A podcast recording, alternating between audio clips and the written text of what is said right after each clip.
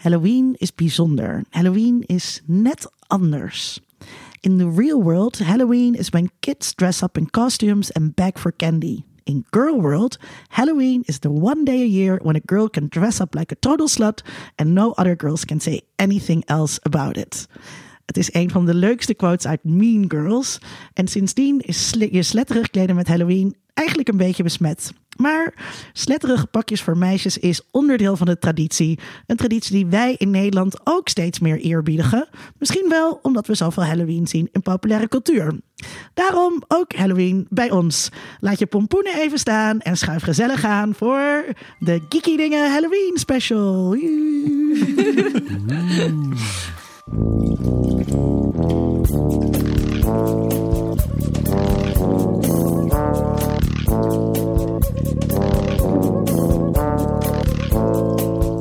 naam is Tom Aalmoes en mijn favoriete ding aan Halloween zijn eigenlijk de Halloween feestjes. Mijn naam is Sidney Smeets en mijn favoriete ding aan Halloween uh, is dat het een uh, geweldig excuus is om zoveel mogelijk horrorfilms te kijken. Mijn naam is Louise Barendrecht en mijn favoriete ding aan Halloween is verkleden en dan met zoveel mogelijk nepbloed. mijn naam is Linda Duits en het leukste aan Halloween vind ik Halloween specials van series. Ja, en dat is ook waar we het vandaag over gaan hebben. Uh, het is uh, weer een meta-special eigenlijk, de Halloween special over Halloween specials. En onze gast is weer, onze gast is weer Louise Barendrecht. Die was hier al eerder. Ja. Welke aflevering was je er ook weer? Uh, dat was Game, of, Thrones. Game of Thrones. Ja, de eerste Game of Thrones aflevering. Toen het nog goed was. ja, precies. En uh, leuk, leuk dat je er weer bent. Voor de luisteraars die toen niet luisterden. Wat is jouw toegangsbewijs om hier aan tafel te zitten? toegangsbewijs? Oh. Uh, nee, maar wat is je geekiness of wat... Um... Oh, ik, uh, uh, ja, ik hou in, ja, vroeger altijd voornamelijk superheldenfilms. Dat is eigenlijk een beetje hoe het begon. En dan Star Wars kwam daar snel na. En daarna ook in de anime gerold. En uh, tegenwoordig hou ik van alles wat wel een beetje geeky is. En naast geek ben je ook net weer student geworden? Ja. Wat ben je gaan studeren? docent Engels. ja. ja. En denk je dan net als je straks voor de klas staat, dat je ook je, je dat je dan gaat putten, zeg maar, uit, uh, uit popcultuur om je, om, je, om je kindjes Engels bij te brengen? Oh, zeker. Ja, ik denk dat dat ook de manier is waarop de meeste mensen de taal leren. En een grote drive is waarom mensen de taal willen leren om het te kunnen begrijpen. Dus ja, dat het zou een gemiste kans zijn om het niet te gebruiken. Ja, nou, nice. superleuk dat je er weer bent. Bedankt voor Wil je nog wat over zeggen, Sydney? Nee, heel nice. Ik, ik vond Engels was een van mijn favoriete vakken. En als je dan nog een goede, leuke docent hebt die het ook nog een beetje geeky maakt, dan moet het wel helemaal goed komen. Ik mij. had echt van die docenten die dan echt The Queen's English. Oh, ja. ja. Wij, het was dus niet can't, maar can't bij ons in de klas. Ja, en dat, dat wordt bij mij al problematisch, want ik heb geen Brits accent. ik vond het altijd zo onzinnig ook. En dan weet je, waarom moet je de Queen's English leren als we allemaal gewoon Amerikaans Engels leren en dat gewoon daar is niks mis mee. Nou, je ja. moet kunnen communiceren in het Engels. Je accent ja. Hoeft, moet niet relevant zijn. Uh. Nee, en ik vind dus juist, zeg maar, we gingen. Uh, dit, is niet, dit is niet mijn terugblik, maar we gingen. Er is een nieuwe versie van RuPaul uit, RuPaul uh, UK. Mm -hmm. En dus wij waren helemaal bang dat er geen ondertiteling was. omdat je gewoon. Maar heel veel van die Britten zijn gewoon echt niet te verstaan. Ja. Die hebben zulke, zulke dikke accenten. Als je naar Essex gaat, dan... Uh, Precies, ja. Maar dat heb je in Nederland ook, toch? Dat, dat, uh, ja, nee, maar, het is dus, maar, dus als je, maar als je dus in het buitenland Engels spreekt... Mm -hmm. en uh, je hebt dus zo'n dik native uh, accent, ja, dan verstaan mensen je mm -hmm. niet. Terwijl als je zeg maar steenkolen Engels praat uit Nederland, ja, dat is een soort internationaal Engels dat iedereen kan begrijpen. Ja. ja. Hmm. Ik had ook tijdens mijn studie dat uh, wel een paar Britten ertussen zitten en die verstond ik minder goed dan bijvoorbeeld de Duitsers die toch wel met een flink Duits accent aan het meepraten waren in het Engels wel. Ja. Uh, gewoon puur omdat het wat toegankelijker was. Ja, ik moet dan altijd denken aan die grap in die reclame dat dan de onderzeeër zingt. En dan belt de Duitser met de alarmcentrale en die zegt: We are sinking, we are sinking. En dan wordt er gezegd: What are you thinking about? Zo, het is echt een dad joke. Oké, okay. ja. uh, we gaan een uh, terugblik rondje doen met gezellige kiki dingen die we zagen. Louise. Nou ja, wat ik eh, gezien eh, qua bewegend beeld eh, is het afgelopen week eigenlijk alleen eh, eh, de nieuwe Joker-film. Ja. Zullen we even een rondje spoilervrije recensies doen? Ja, Ja. Oké, luisteraars, spoilervrij. Ja, je kan blijven luisteren. Wat vond jij ervan? Oeh. Eh, Ja, jij begint erover. ja, ja. ja, ik ben er ook nog niet helemaal over uitgedacht. Ehm, zeker spoilervrij niet. Ehm, erg dubbel. Ja. Ja. Hmm. Jij, Tom? Jullie waren samen? Ja, ja. Ja. dus wij zaten daarna ook eh, eh, nog met een biertje naar de film even bij te praten. En, en heel erg veel over de film te praten en wat we er allemaal van vonden. En bij mij bleef ook dat dubbele hangen van... Er is natuurlijk de nodige controverse geweest eh, om de film. Eh, en dat ik ook de hele tijd in mijn achterhoofd. En ik vond niet dat het zo erg was als Nee. mensen zeiden dat het zou zijn. Want het was een idee van, oh, Dan Hessler Forrest bijvoorbeeld, daar is hij weer. Eh, gaat echt al wekenlang op Twitter non-stop los over dat het een soort incel-fantasie is. eh, waarin een incel allemaal mensen doodt in de film die dat goed praat. Ik vind het dat niet, maar ik snap waarom mensen dat erin zouden kunnen lezen. Als je En- de film niet gezien hebt, helemaal. Als je de Eh, film ja. niet gezien hebt, dan kan je dat heel makkelijk inlezen. Ja. Als je Ja. de film wel gezien hebt, Hij heeft het wordt het, maar dan wordt het al een stukje moeilijker als Ja. je de film gezien hebt. Maar ik denk daarbij wel dat we gezien hebben met vorige iteraties van de Joker, die toch minder die kant op gingen met het karakter. Ehm, die hebben die inspiratie al gevormd. Dus ik vind ook niet dat het niet zo is. Ja. Ja. Ah, en ik denk ook dat daarnaast eh, er weinig subtiliteit was. Eh, het acteerwerk vond ik echt geweldig, grandioos. Dat heeft voor mij wel... da- daardoor zou ik het nog steeds aanraden aan iedereen. Ehm, maar er zaten wel dingen... We hebben het ook heel erg lang gehad over de potentie die de film heeft. Dat er een bepaalde eh, lijn in zat die echt top was. Maar mm, als je het net anders had aangepakt... die nog net wat mooier was geweest. Ja, En dan, maakt het, dan krijg je toch zo'n dubbel gevoel... omdat je denkt... Nee, ik had het zo Ja. graag dat willen veranderen. Dat is meer iets dat we dan in de, in de um, uh, recensie met spoilers Ja, moeten gaan doen. Dat ja. komt ook zeker nog. Uh, lieve luisteraar, dat gaan we ook doen, Sydney. Nou, ik vond het een hele goede film. Ik heb er eh, eh, van genoten, als je dat kan zeggen, eh, eh, in dit geval. Want het is inderdaad een film die... eh, waarbij Zoals je ook van Hotel Rwanda hebt genoten. Nou ja, inderdaad. Ja, kijk, eh, dit is natuurlijk film inderdaad waarvan, waarbij, waarbij ik het woord genieten een beetje raar vind Daarom eigenlijk. maakte ik maar even. Ehm, wat ik wel zie is precies wat jullie net zeggen. Eh, als je ehm, nou ja, zelf niet helemaal eh, goed in je hoofd bent en je wil dit aangrijpen als zeg maar jouw eh, rechtvaardiging om iets heel erg naars te gaan doen, dan kan dat. Maar dat kan volgens mij met bijna iedere film eh, wel. En dat doen mensen dat ook met bijna mensen ook bij, bij, bij nou, in feite iedere film. Uh, maar tegelijkertijd denk ik, als je wel enigszins normaal kan nadenken, denk ik dat voor iedereen vrij snel duidelijk is dat de Joker niet iemand is om te ambiëren of om, uh, om jaloers op te zijn. Nee. En dat iedereen ook vrij snel begrijpt dat wat hij doet, dat je dat niet moet en kunt uh, doen. Um, en wat ik vooral vond, want ik heb ook gelezen wat Dan uh, erover tweet. Dan is heel, heel erg negatief over deze film. Uh, en dat mag. Um, uh, hij verwijt de film dat hij niet origineel is en dat het allemaal een kopie is van wat Scorsese eer, eerder heeft gedaan. Boring opinions all okay. the way.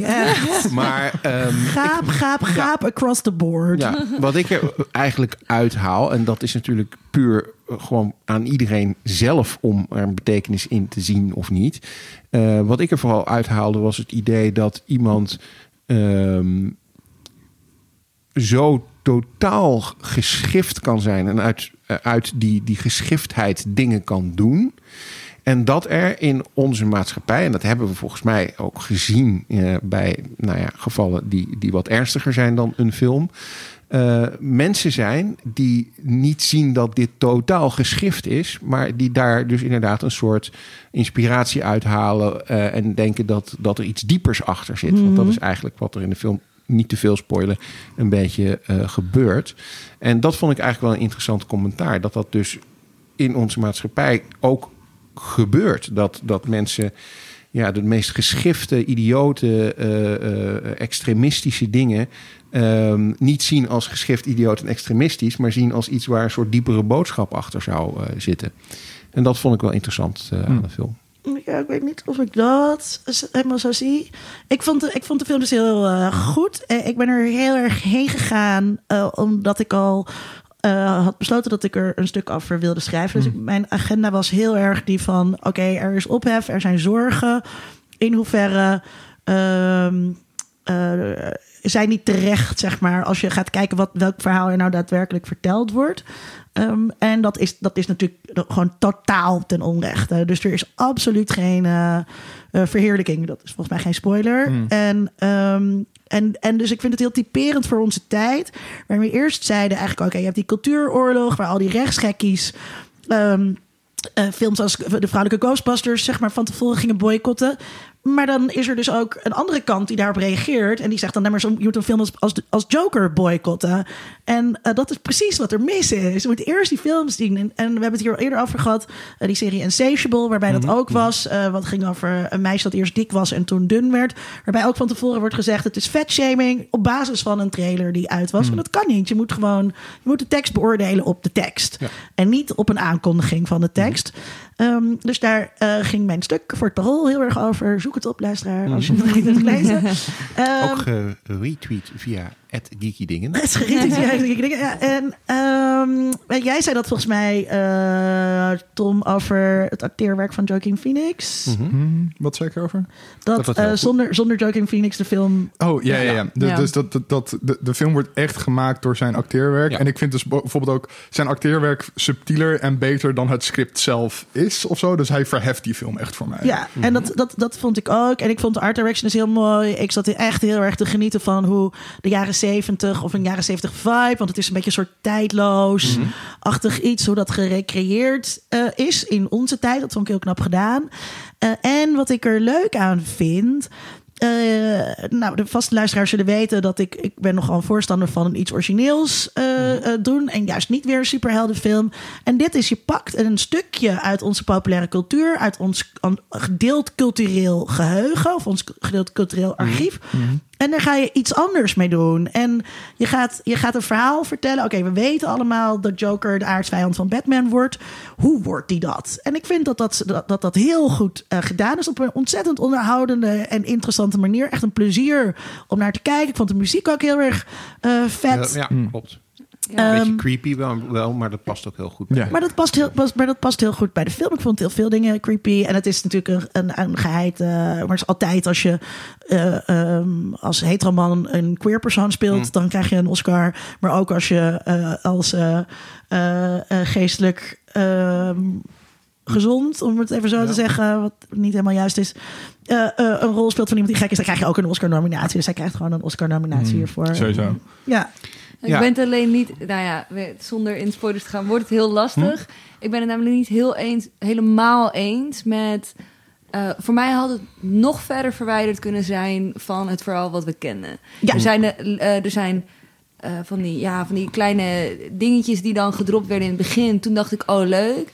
En dan wordt het weer heel expliciet. En denk ik, nou, had niet gehoeven. Het, ja. het, er zitten dingen in die niks toevoegen en meer afleiden mm. van de film. Ja, ja dat, dat dicht er een beetje aan. Want ik, ik ben meer het soort fan. Uh, kijk, ik zag Sydney houdt van uh, Easter eggs. Ik hou ja. heel erg van Easter eggs. En uh, ik zag één comment van, van Botte Jellema.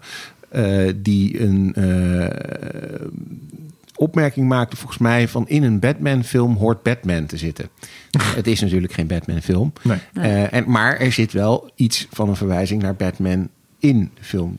Ja. Niet te veel over zeggen, want dat is misschien wel een, een mm, spoiler. ja. Uh, maar ik hou wel van dat soort verwijzingen. En die hoeven niet te veel en te expliciet en te, te mm. lang aanwezig te zijn in de film. Maar dat ze erin zitten, geeft het voor mij wel een klein beetje extra geekiness. Ja, en ik vind ook, kijk, het is een Batman-vertelling. En um, daarom, daarom vind, ik dat, vind ik dat dus interessant. Net als dat je Shakespeare hebt. En dat wordt keer en op keer op een andere manier gedaan. En uh, soms gebruiken ze wel de originele teksten en soms niet. En soms is het wel in die tijd gezet en soms niet. Maar die, en soms is het clueless. Nee, clueless was volgens mij een verhaal van uh, een van die Bronte-zusjes. Maar weet je wel, zo, dat vind ik dus interessant en creatief omgaan met, met dat repertoire dat er, dat er ligt. En het is juist zeg maar de illusie die naar, die naar Batman wordt gemaakt, die allerlei dingen activeert. eh, van intertextualiteit, die lekker is voor jou als kijker. En jij zult daar wat meer dingen van hebben, want je kent die Batman-verhalen heel goed. En mensen die dat niet hebben. Die hebben dat niet, maar die zien ook een volwaardige film. Dus ik, ik vind, dat, vind dat een hele onterechte opmerking. Boe botte, boe ja. Nou ja. Ehm, eh, ja, ze zijn hier niet, dus ze luisteren Ja, toch kun- nooit naar deze podcast. Dus dat, eh, dat, dat kunnen Is we. wel waar. Maar ja, dus dat, dat, kunnen, dat kunnen we gewoon doen. Groetjes aan Ipe, want die luistert Die wel. luistert wel, zeker. Vertel niks door aan botten. Eh, Louise, heb je nog iets anders meegemaakt qua Nou ja. popcultuur? Ja, popcultuur. Ik, heb veel, ik lees veel. Het laatste boek wat ik uit heb gelezen was eh, Lord of the Flies. Kijk, Ook zo'n Mooi. lekker gezellig eh, thema. ja. ja. Ook wel een beetje een geeky klassieker, vind ik eigenlijk. Zeker. Ja? Een paar keer verfilmd ook. Ja, de verfilming. Ik heb het dus expres niet gekeken, want ik wou het dus eerst zien. Ik heb wel af en toe, dan- ik heb daarna de plaatjes opgezocht van welke acteurs bij. Ik moet hem nog, de film moet ik nog kijken. Is het het waard om te kijken? Eh, ja, er zijn een paar verfilmingen. Eentje uit de jaren tachtig volgens mij. Dat is degene die mij het meeste bijblijft. Omdat toen, ja, dat, toen was ik eh, zeg maar in de leeftijd. Eh, die vond ik ook best goed. Ehm, en het verhaal is gewoon in- intrigerend. En dat wordt op zich ook in, in visuele zin interessant. Omdat je... Nou ja, voor de mensen die het boek nog niet eh, hebben gelezen, misschien geen spoilers, maar er zitten een paar dingen in Het die. Je een mag de Lord of the Ja, ik wou net zeggen. Ja, spoiler, ja. Maar goed, nou ja, als je het niet wil horen, moet je niet stoppen. Nee, nee, nee, precies. maar er zitten een paar hele eh, visueel interessante dingen eh, in. Speelt zich natuurlijk op dat eiland af. En hoe Ja.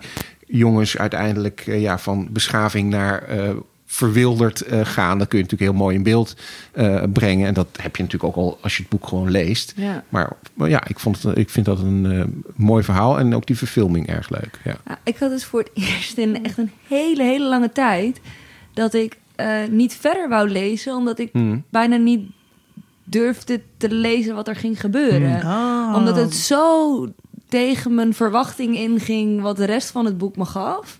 dat ik ineens dacht, nee, nee, nee, nee, nee. Wacht even, wacht even, wat gaan we doen?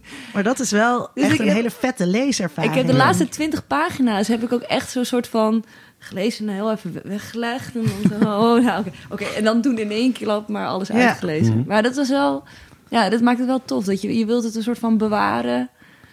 Dat is toch ook wel ander, interessant, bedenk ik me. Als je, dat heb je dus met boeken en met podcasts, zeg maar. Want boeken lees je in delen. Ja. Je leest vaak en wanneer je kan lezen, wanneer je even tijd hebt, dan lees je. Of een- met een podcast is dat ook zo. Eh, dan zet je weer even uit en dan ga je straks ga ik weer verder fietsen en dan luister ik weer verder.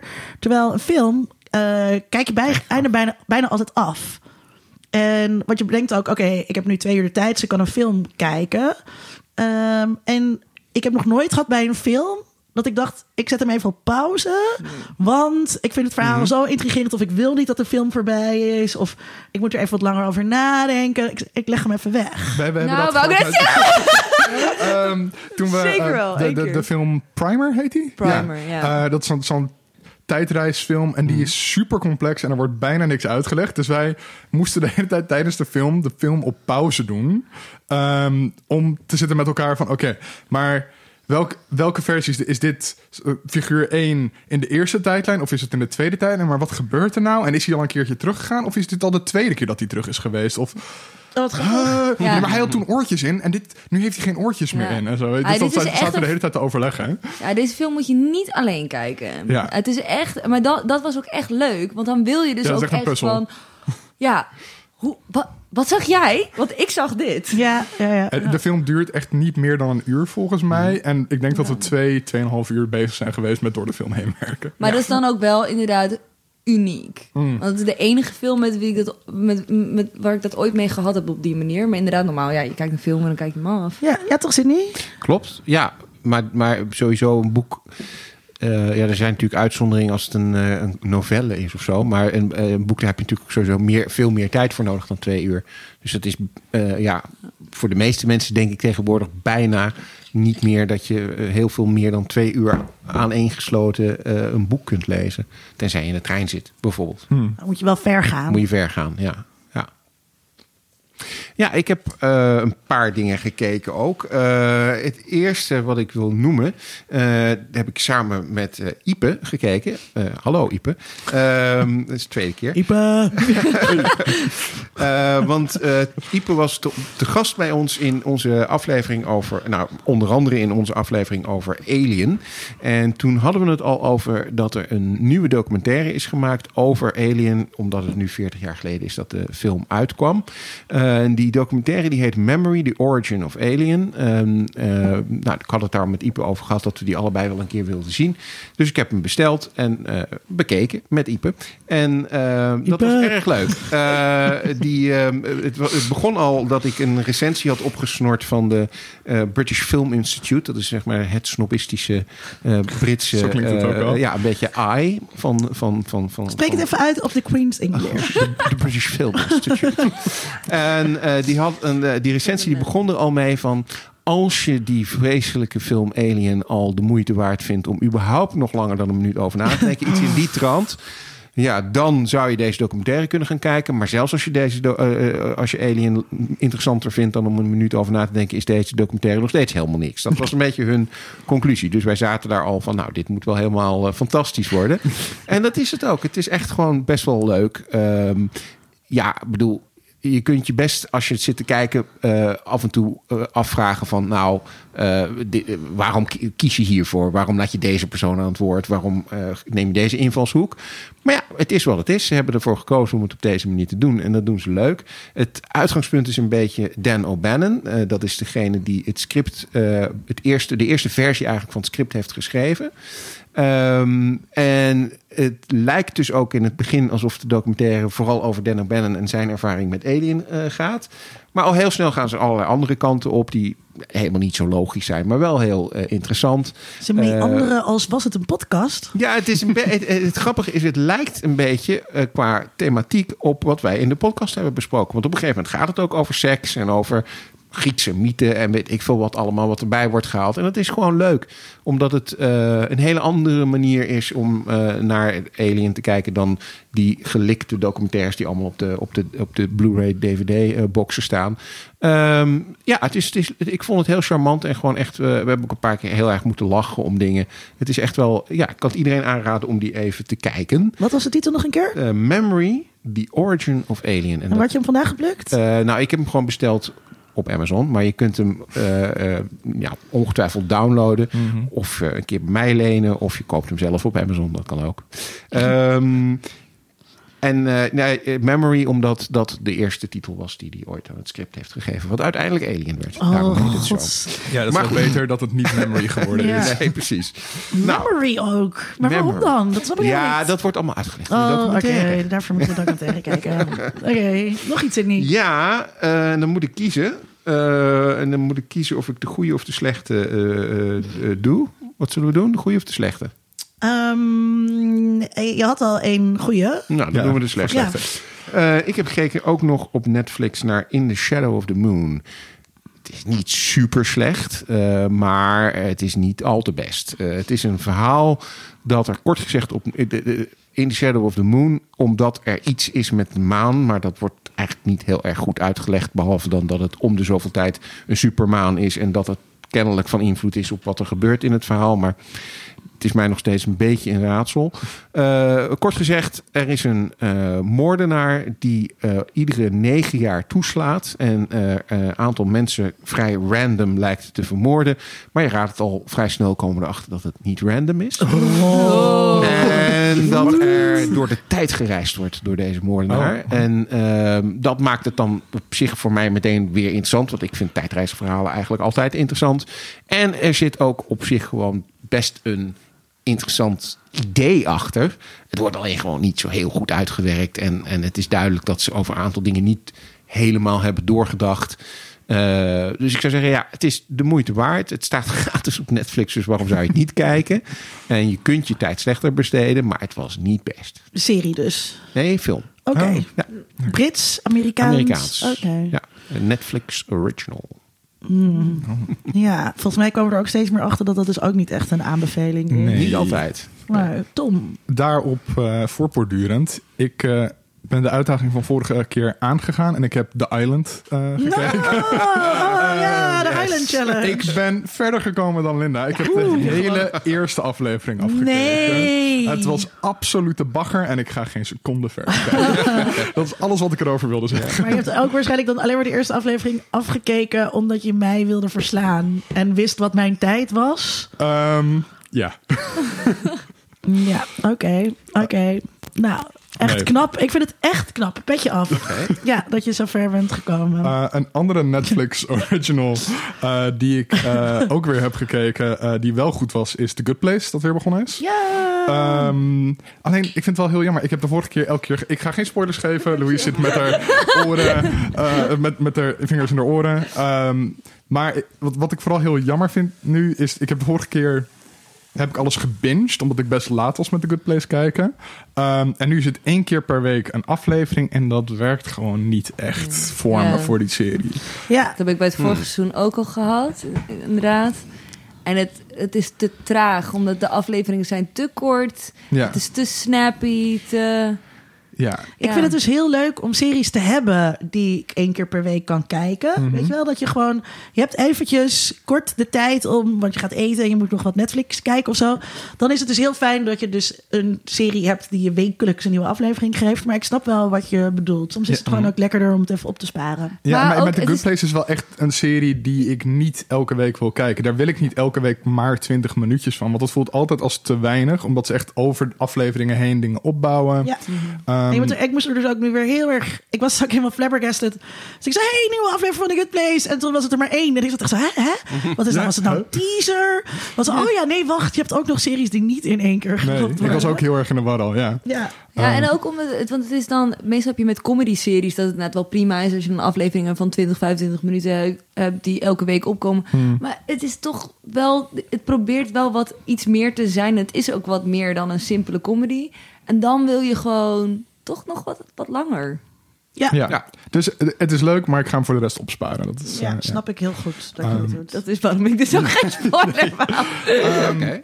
En ik heb ook nog iets ouds gekeken. Uh, Kiki's Delivery Service. Yes. Uh, van Miyazaki. Die had ik eigenlijk natuurlijk al moeten kijken. Voor van Studio? Ghibli.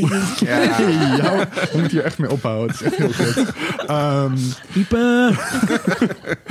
um, maar dat was gewoon een hele fijne, hele mooie film. Ik was daarop gekomen omdat Patrick Willems, een film-YouTuber, er een video-essay over had gemaakt. Over YouTube Burnout en Kiki's Delivery Service. Mhm. uh, omdat wat volgens zijn lezing Kiki's Delivery Service heel erg gaat over burn-out. En zelfs al vind je je werk leuk, kan het nog steeds soms heel zwaar en kut zijn, want het blijft gewoon werk. Okay. Um, ehm, dat wil ik zo nog. Ik ga het wel even kijken. En het is gewoon een hele mooie, hele lieve film. Vond je het over burn-out gaan? Ja. Uh, ik, snap, ik snap waarom hij het erin las, maar um, ik vond het vooral gewoon een hele fijne. Ook omdat Miyazaki-films, omdat ze niet echt zo'n conventionele narratieve structuur hebben of zo, dat je mhm. gewoon lekker erin gedropt wordt. En je zit gewoon even anderhalf uur in een hele fijne, lieve wereld waarin alles goed is. Ja, als je nou nog meer uh, tips wil over Miyazaki-films, dan kun je ook luisteren naar onze Miyazaki-aflevering over Studio Ghibli met uh, Fido Ouweleen. Ja. um, ik had uh, twee dingen gekeken. Nee, ik heb meerdere dingen gekeken, maar uh, twee dingen die ik wil vertellen. Um, de rest de, is geheim. De, de, de, rest is geheim, ja. Um, de eerste is Glitch. Ik dacht dat het door iemand genoemd was, maar ik had het aan Natasha gevraagd en die zei nee. En Sydney zei ook nee. En Tom zei ook nee. En verder ken ik geen mensen. Dus, um, Ze hebben zelf bedacht. Uh, uh, Glitch uh, is een Australische serie. En het gaat, begint zeg maar met mensen die uit hun graf klimmen.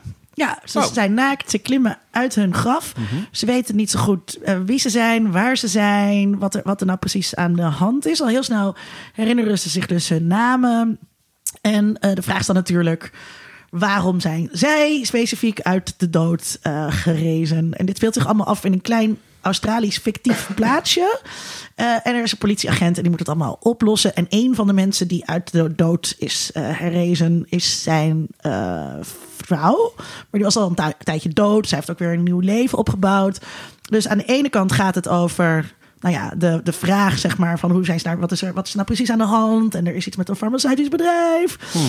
Uh, geen spoiler, dat heb je meteen door. En aan de andere kant gaat het dus ook over eh, nou ja, zeg maar de consequenties van als dat zou kunnen. Als iemand herrijst uit de dood. Ja, en je hebt een nieuwe vriendin en eh, die is zwanger.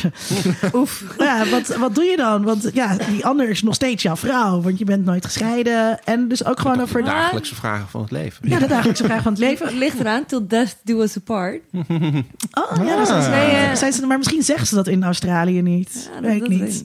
Maar ik vond dus ook wel leuk dat het Australisch is. En met Aborigines natuurlijk ook. En eh, ja, het, het geeft een hele andere vibe eigenlijk, zo'n serie, dan wanneer het Amerikaans was eh, geweest. Eh, en die super lekkere gast uit ehm, eh, Black Sails, die daar in eh, Long John Silver speelt. Die zit ook in het tweede seizoen. Want ik ben al in het tweede Oh, seizoen. Ja. Dus dat is iets om naar uit te kijken als je aan het eerste seizoen begint. Het is, het is, ehm, het is, het is, ik vind het dus leuk om te kijken. Het is niet heel erg goed. Eh, maar ook niet heel slecht. Het is gewoon leuk. Ja, het is gewoon goed, goed gemaakt vermaak. En het tweede wat ik had gekeken eh, is The Politician Ja. eh, op Netflix. Van de makers onder andere van Glee en American Horror Story. En dat gaat over een jongen die altijd al zijn hele leven heeft geweten dat hij later de president van Amerika wil worden. En hij gaat zijn hele leven wil, die inrichten om dat ook te bereiken. En eh, zijn ehm, stiefvader is extreme multimiljardair. Eh, en eh, hij heeft dus ook een team om zich heen van. Ja, dus eigenlijk wat ze doen is. ze, ze gebruiken allerlei elementen uit Amerikaanse echte verkiezingen. Dus bijvoorbeeld polling, hoe dat gaat. Maar ook allerlei strategieoverwegingen die gedaan worden. Eh, dat, dat, ja, dat doen ze eigenlijk op de middelbare school. Want hij, want hij wil dan dus de president van zijn middelbare school worden. En al die tactieken gebruiken ze. En dat, en dat klopt dus ook, want hij zit dan dus op een hele. eh, op een middelbare school waarin iedereen heel rijk is. Dus dan kan je ook een eigen pol iemand hebben. En, ehm, maar het is heel erg over de top. Maar de, dus de, de, de settings zijn echt fantastisch. Dus er is heel veel geld tegen aangegooid. Eh, eh, dus ehm eh, Gwyneth Paltrow speelt de moeder van, van Peyton, die, die hoofdpersoon.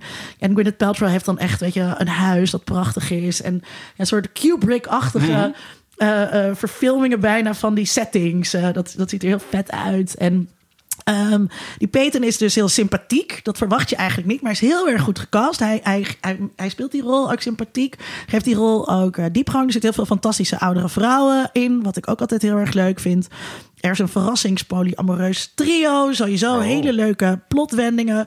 Het bespot zichzelf ook een beetje. Eh, ja, het is echt een beetje... Ja, het soort postmodern ehm, jeugd-tv, eh, wat, wat we eh, nu typisch hebben, waar een hele hoge productiewaarde achter zit. Ja, uiteindelijk dat je ook denkt, mm, als je al dat geld hebt, zou het misschien net iets beter uitgevoerd kunnen worden. Dus dit is een beetje, je hebt toch vaak van die, van die big budget series, waar, ja, weet je, de schrijvers zijn goed en de acteurs zijn goed en de setdressing is fantastisch en de cinematografie en al die dingen.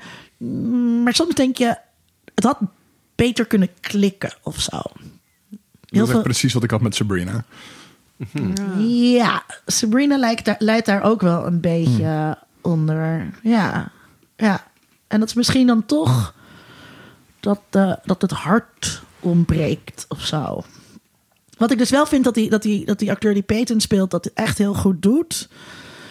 Maar ja, veel geld betekent, niet, betekent dus soms ook dat er geen ziel in zit. Ja, heb jij het nog niet gezien, Sydney? Ik heb hem nog niet gezien. Ik ehm, Wauw, loop ik iedere heb dag. iets gezien wat jij nog voor. niet hebt gezien. Klopt.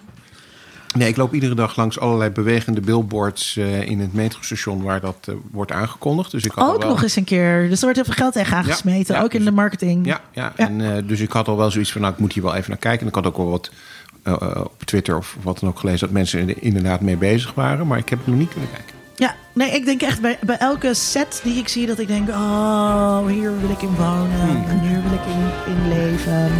Boys and girls of every age, wouldn't you like to see something strange? Come with us and you will see.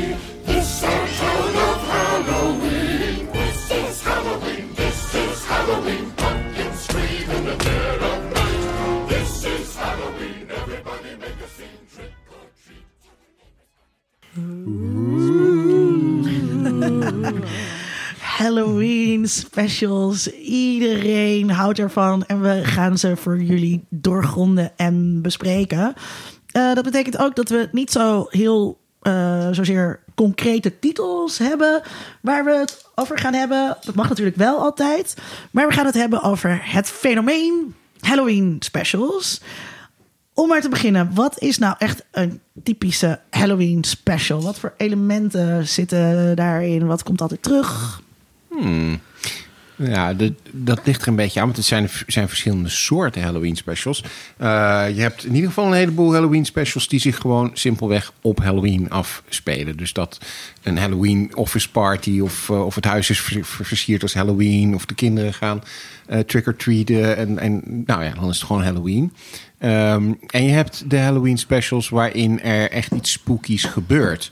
Ehm, waarbij het vaak dan ook trouwens wel op Halloween is. Maar dat het niet zozeer gewoon Halloween is. Maar dat er echt iets bovennatuurlijks of iets engs of iets spannends eh, eh, gebeurt. Ehm, en dat zie je bijvoorbeeld heel erg bij eh, dingen zoals The Simpsons. Hè, met het Treehouse of Horror. Nou, dat zijn echt... eh, De klassieker eh, onder de Halloween ja, specials. Nou ja, precies. Daar gebeurt echt... eh, ieder- iedere Treehouse of Horror, er zijn er volgens mij inmiddels 26 of 27... die gaat... eh, die Volgens mij vertelt... zijn er bijna 30 seizoenen Of- van de of- Simpsons. ja, dan zijn het Ja. er 29. Want ze hebben het in het eerste seizoen niet gedaan en daarna ieder seizoen. Ehm, en dat zijn altijd drie verhalen waarin iets engs of raars of vreemds eh, gebeurt. Die verder natuurlijk niet met de continuïteit van de Simpsons te maken hebben. Als er überhaupt al continuïteit en canon in de Simpsons is na 30 jaar. Ja, maar dat, Ja. dat is best wel een beetje een ding volgens mij. Dat je bij, als je een Halloween special maakt, dan kan je buiten de normale timeline treden van Hmm. de serie. Ja. Tom? Ja, nee, ik zit heel erg te denken van dat, dat in de meeste series waarin Halloween specials zitten, überhaupt dan niet echt bezig zijn met die continuïteit of zo. Dus je hebt het met gewoon bijvoorbeeld eh, Adventure Time. Het is gewoon nog een avontuur, maar dan is het een wat spookier avontuur. Ja. Of met Hey Arnold is het gewoon een soort spooky aflevering er tussendoor waarin weer een dingetje gebeurt, maar dat verder inderdaad geen impact heeft. Maar niks heeft impact bij Hey Arnold echt. Ehm, of het is inderdaad gewoon bijvoorbeeld bij How Met Your Mother een Halloween feestje. Wat natuurlijk ook verder niet zoveel teweeg brengt. Ja. Eh, Ja, of bij, bij Stranger Things, dat, daar zit natuurlijk wel een, een doorlopend verhaal in. Maar daar is het inderdaad meer dat ze gewoon het thema Halloween hebben gebruikt om die aflevering eh, van een serie die sowieso al spooky is. Ja. eh, ja, Stranger in Things het hoeft daar thema niet echt zijn best nee, voor te doen, in het thema van Halloween te zetten. Ja. Ja, ik denk dat het vaak in een soort van twee groepen gesplitst wordt. Dus je hebt of de series die het gebruiken om het net wat enger te maken. Dus een excuus om wat meer gore te gebruiken en, en wat meer schrikeffecten. Ik, ik noem Hey Arnold ook bewust, omdat dat ik van de Halloween special van Hey Arnold eh nachtmerries heb gehad als kind. Oh, echt? Dat is echt me bijgebleven. Vertel, vertel Tom. Ik, ik weet niet meer, ik heb hem ook niet teruggekeken, maar ik weet eh, dat het iets te maken had met een onthoofde koetsier die rondreed in een stad. Ehm, The Headless Horseman. Ja, volgens mij was dat inderdaad Ehm, daarop gebaseerd. En.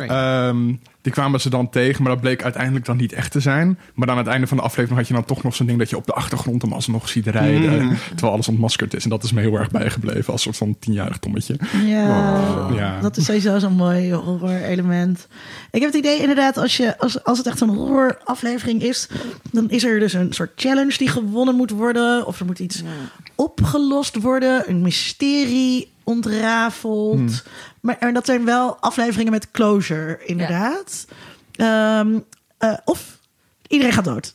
Ja, ja en dan, want je hebt dan dus de, inderdaad de, de, de, de enge versie van de Halloween specials. En je hebt de meer jokey versions, waarmee het gaat om het of de kostuums die iemand draagt, of het trick-or-treaten. Ja.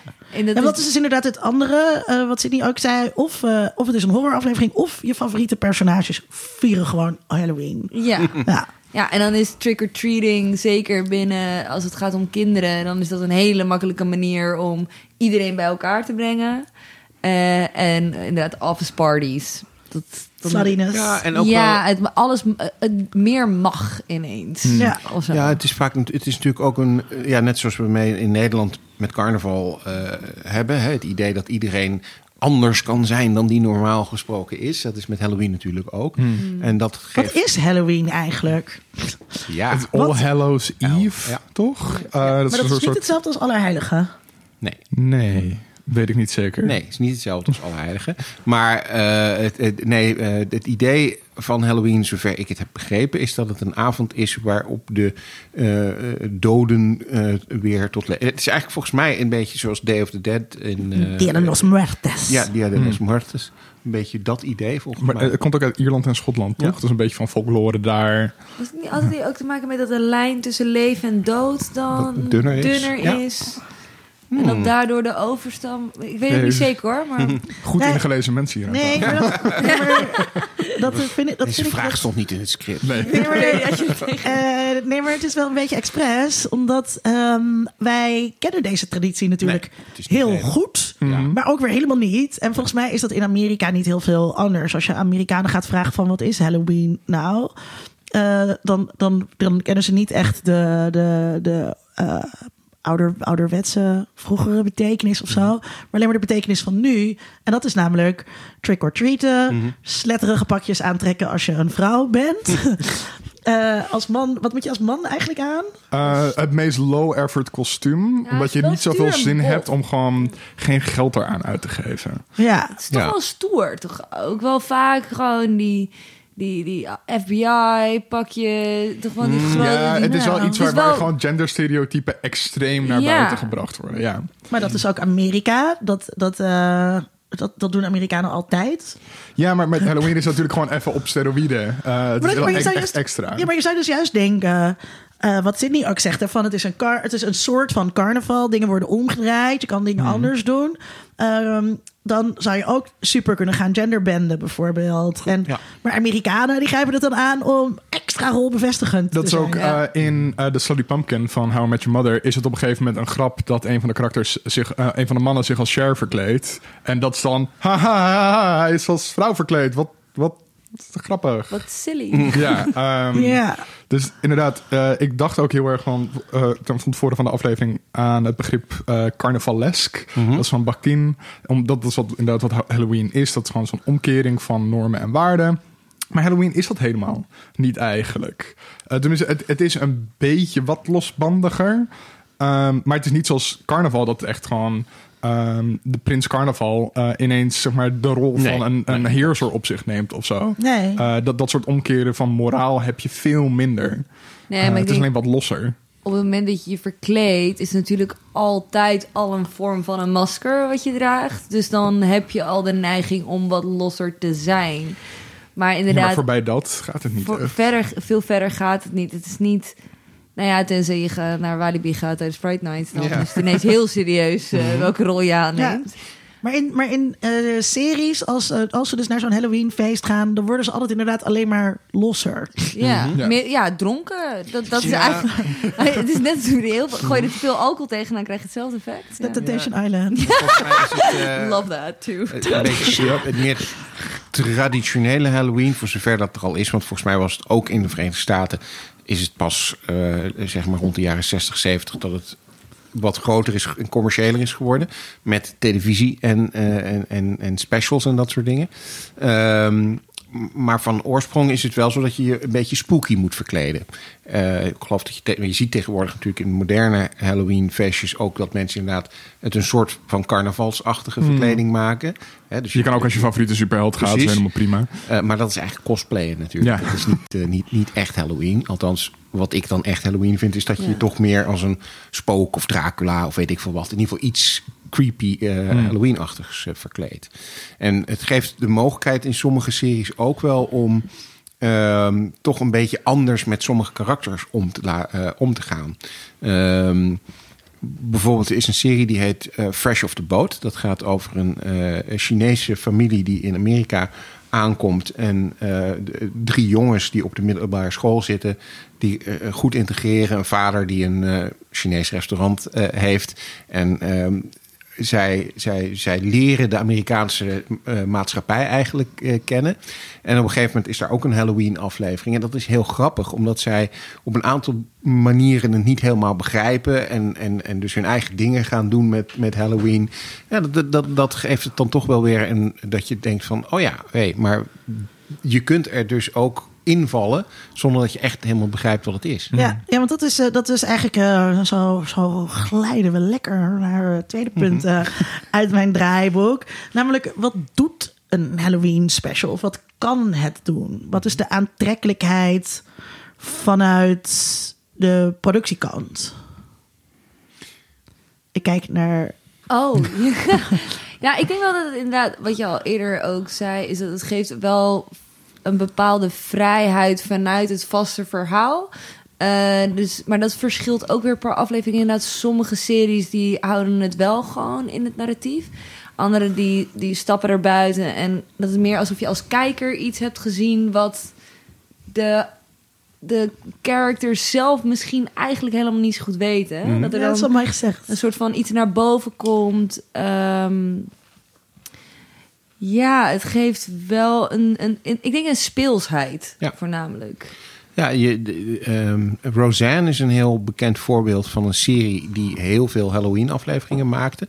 Ook op het moment dat dat nog niet per se voor alle series zo heel gebruikelijk was om te doen.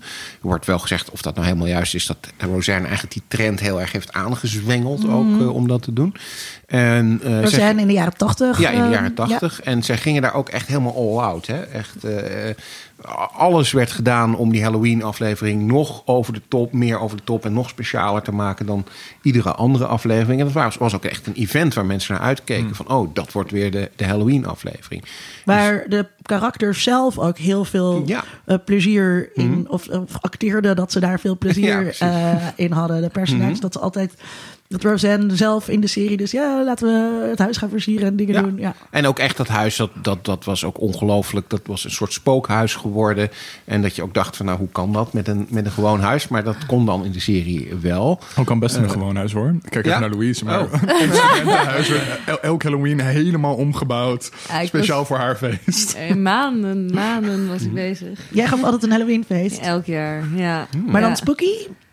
Of? Ehm, nou ja, hoe je, hoe je verkleed komt, dat, is, dat maakt me niet veel uit. Maar het was wel, er moet wel iets van goriness aan zitten. Dus je mag, als je je sexy verkleed wil, is dat prima. Maar je krijgt wel een lading nepbloed over je heen. Ja.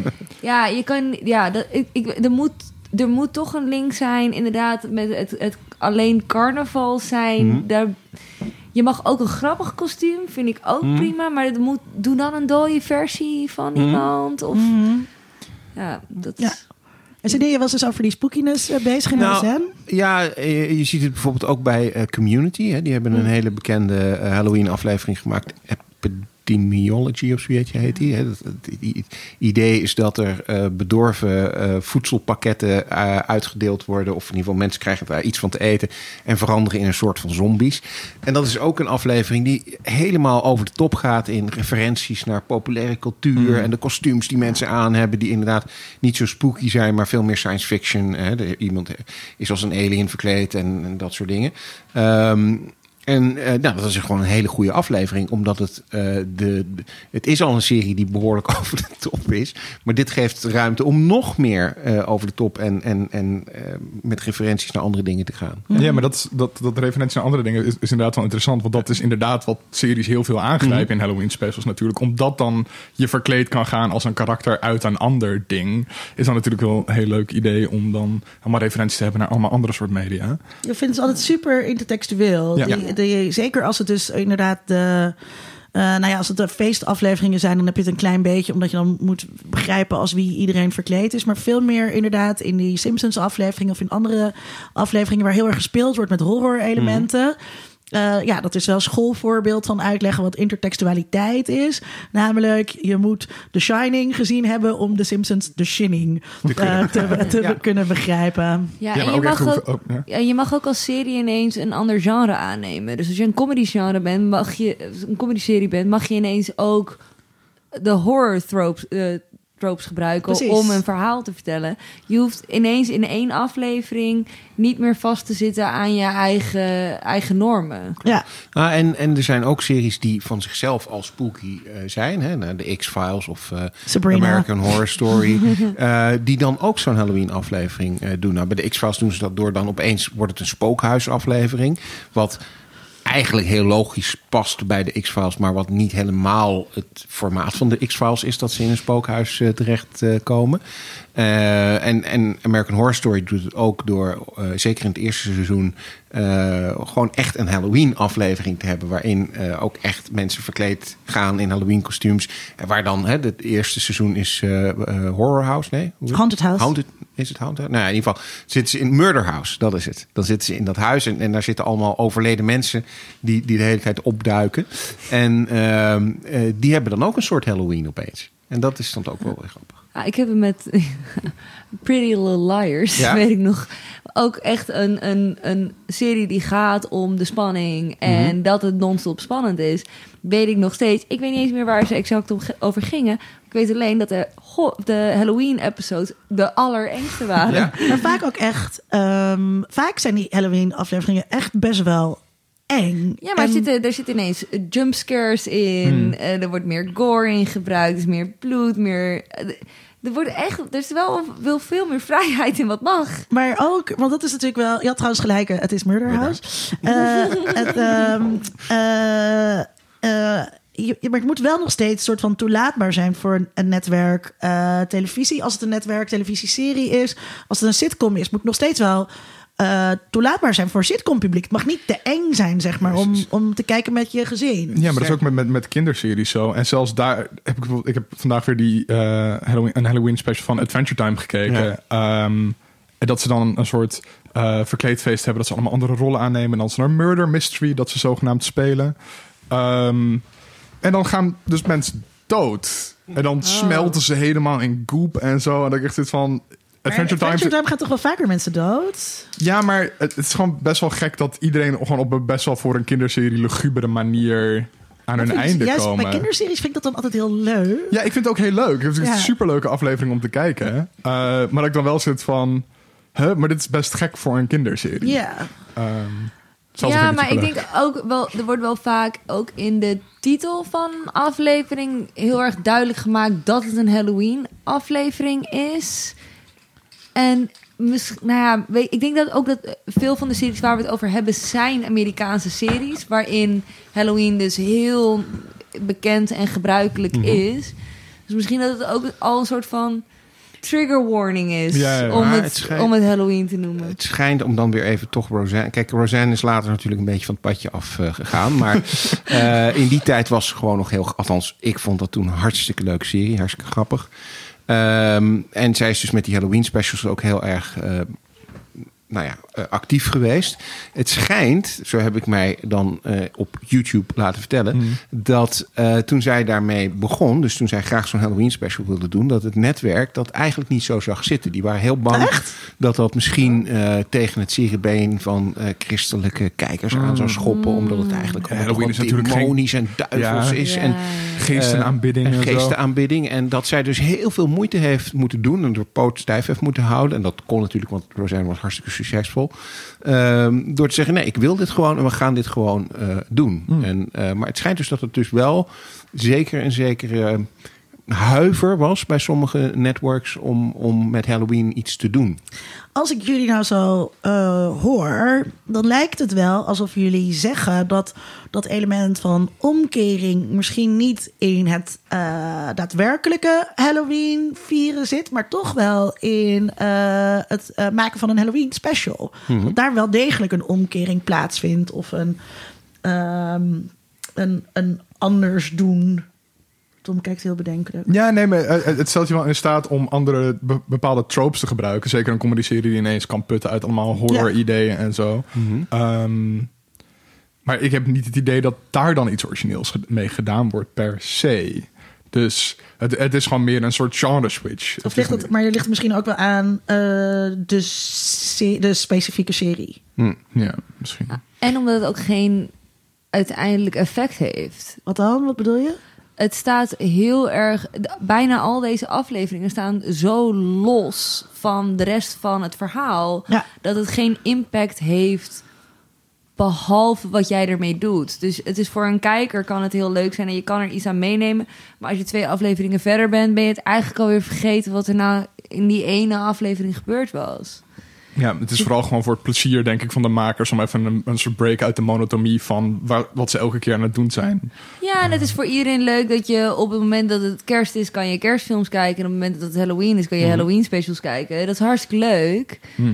Maar het verandert niet per se iets aan de serie als er zo'n aflevering gemaakt is. Nee, ja, het ligt inderdaad heel erg aan de serie, eh, wat het is. Ehm, als je kijkt bijvoorbeeld naar Modern Family, dat, dat, dat, die doen ook een Halloween specials. Die zijn ook heel grappig, maar die zijn niet heel erg anders dan de andere afleveringen in de zin dat de karakters eigenlijk allemaal precies hetzelfde doen, alleen dan met Halloween. Ja. En daardoor dus ook in het thema van Halloween. Ehm, wat, me, wat, ik, wat ik wel nog interessant vond, is dat je, dat zie je vol- volgens mij met, met kerstfilms ook een beetje, eh, is dat er ook nog een trope lijkt te zijn van de eh, vader of moeder of, eh, of, of, of een van de kinderen zou ook kunnen, die Halloween heel belangrijk vindt en die dat feest helemaal eh, over de top willen vieren en Ja, willen ja, laten ja. slagen. En dat er andere familieleden zijn die het eigenlijk maar een beetje kut En aan het einde Ja. lukt het ze te Ja. overtuigen en doet iedereen gezellig mee. Lekker het belang van traditie. Ja, precies. Het belang van traditie. Maar dat is, er zit natuurlijk. ehm, ik vind het heel interessant, want dat wist ik niet wat je vertelt over, over Roseanne. Maar op een gegeven moment is het natuurlijk gewoon bon ton geworden. Zijn alle, zo'n beetje alle series maken wel rond Halloween een Halloween special. En daar zit natuurlijk ook een eh, eh, bepaalde politieke economie achter.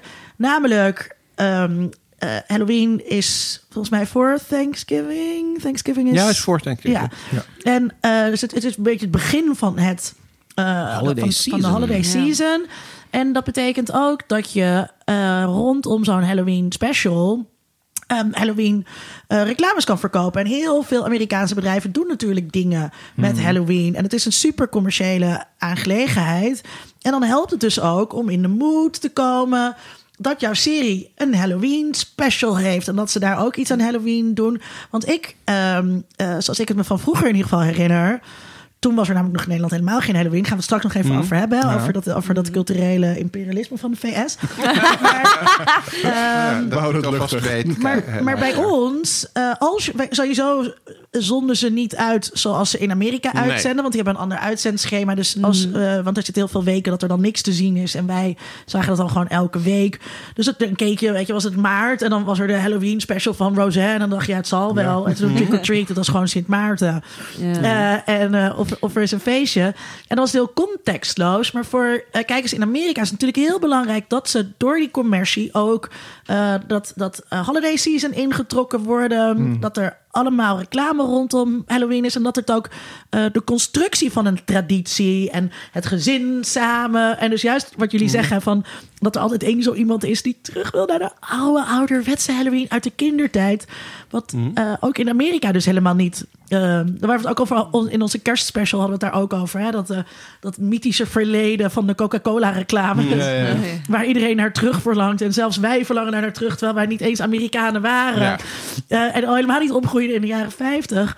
Dat zit daar ook een beetje in. Het gezin, samen zijn, samen feest vieren. Nou, we zitten hier ook aan tafel met de Sydney is ook, heeft zich ook Mhm. laten verleiden door de Ja, commercie. maar dat zijn er toch echt wel Allemaal twee, en- ja, maar er zijn dan toch wel echt twee losse Halloween-ervaringen die ook dan per, van, van leeftijdsgroep verschillen. Want je hebt natuurlijk de nostalgie naar de trick-or-treating en het snoep. En eh, gewoon een simpel kostuum dat je zelf geknutseld had.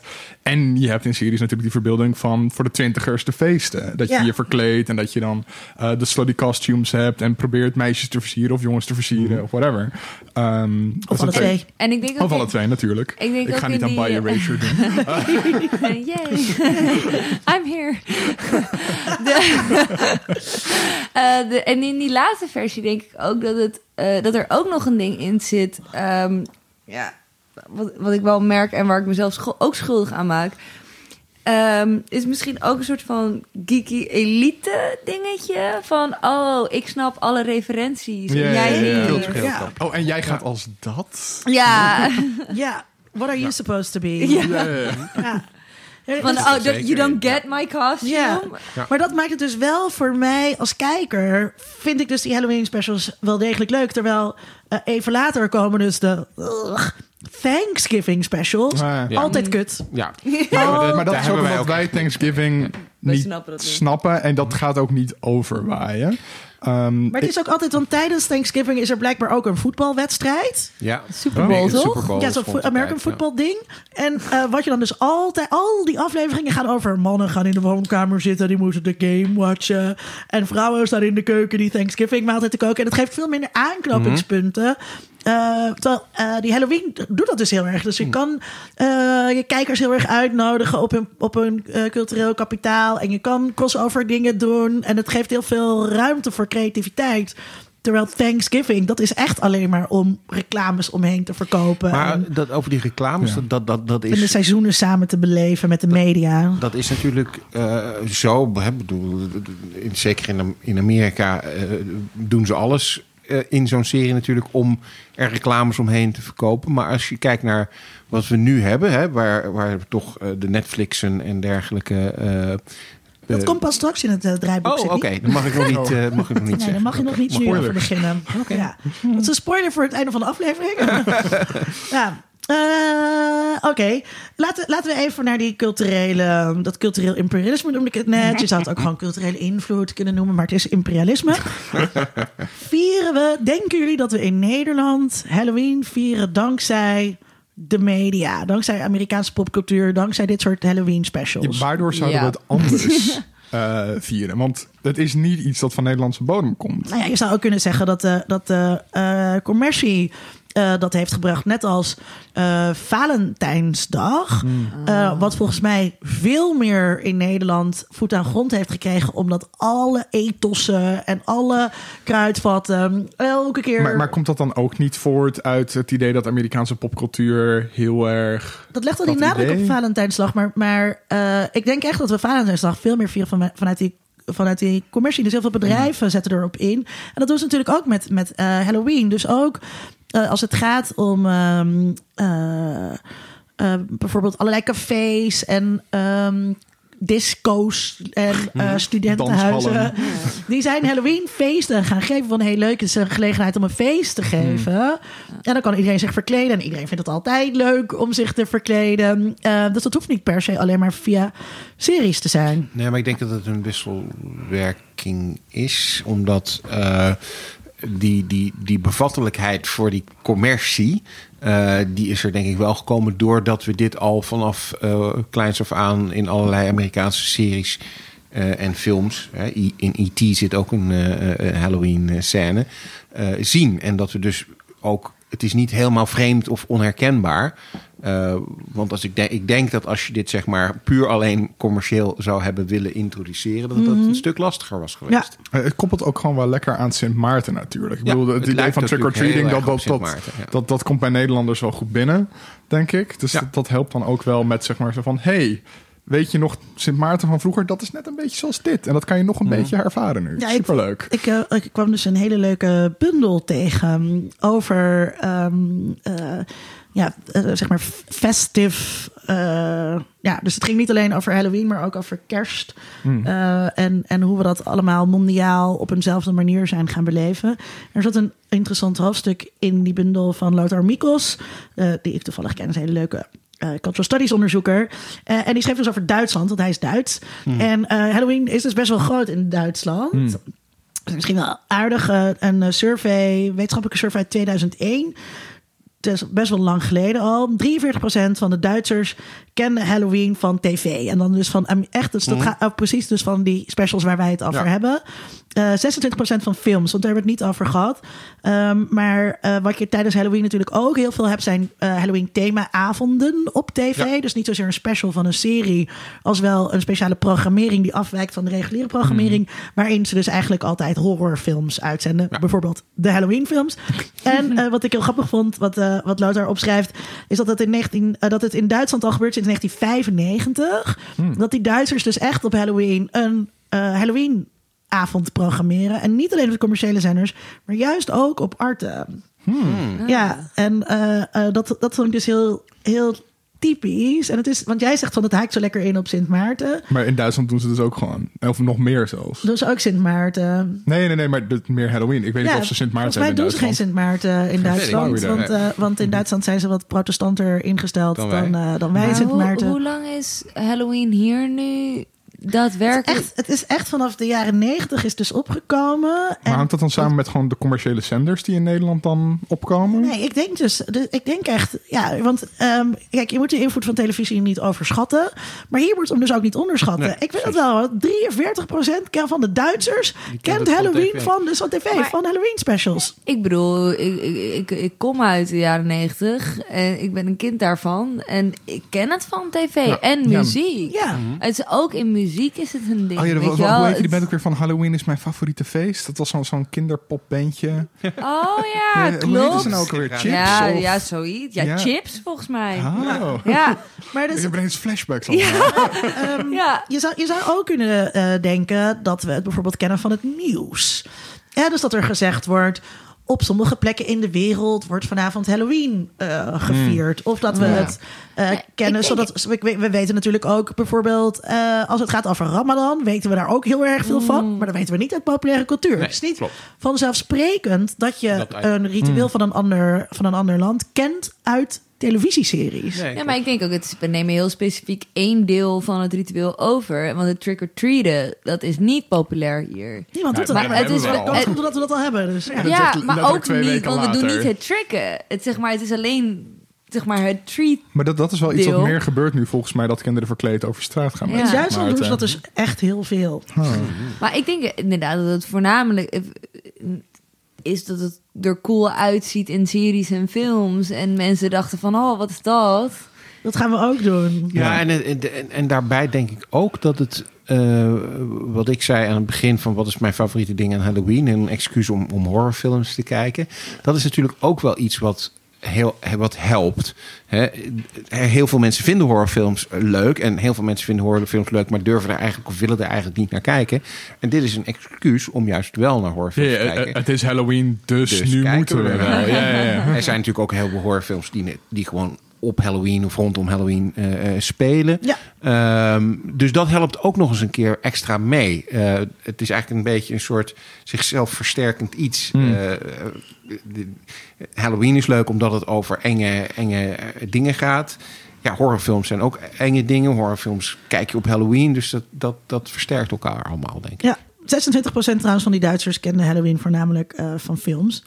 Ehm, ik vind het wel, ehm, wel, wel grappig als je eens nadenkt over die traditie. Hè? Dus, want jullie zeiden net ook van ja, oh, was het niet Hallows Eve? Waar, was het nou ook weer van?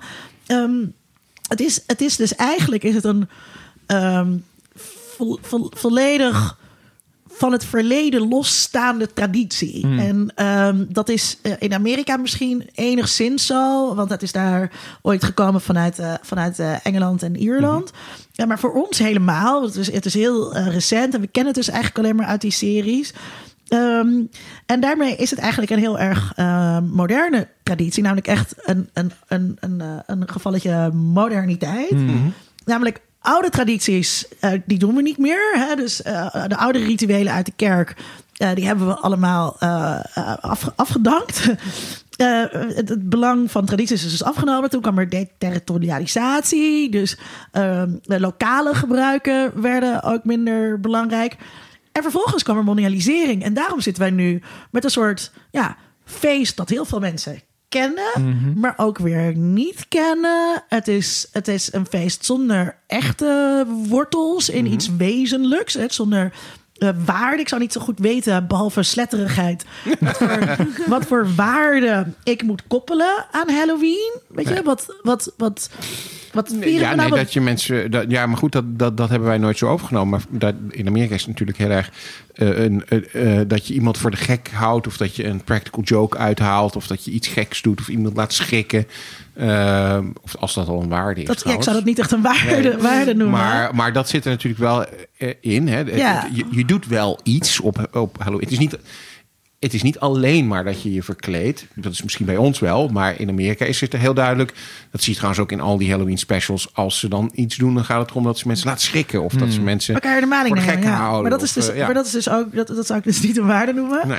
Dus je hebt die, die, of die mondialisering, medialisering en een heel sterke commercialisering. Mhm. Want hè, dus inderdaad, we eten nu chipjes in de vorm van, of ik, ik eet chipjes in de vorm van spookjes en van, van Sydney.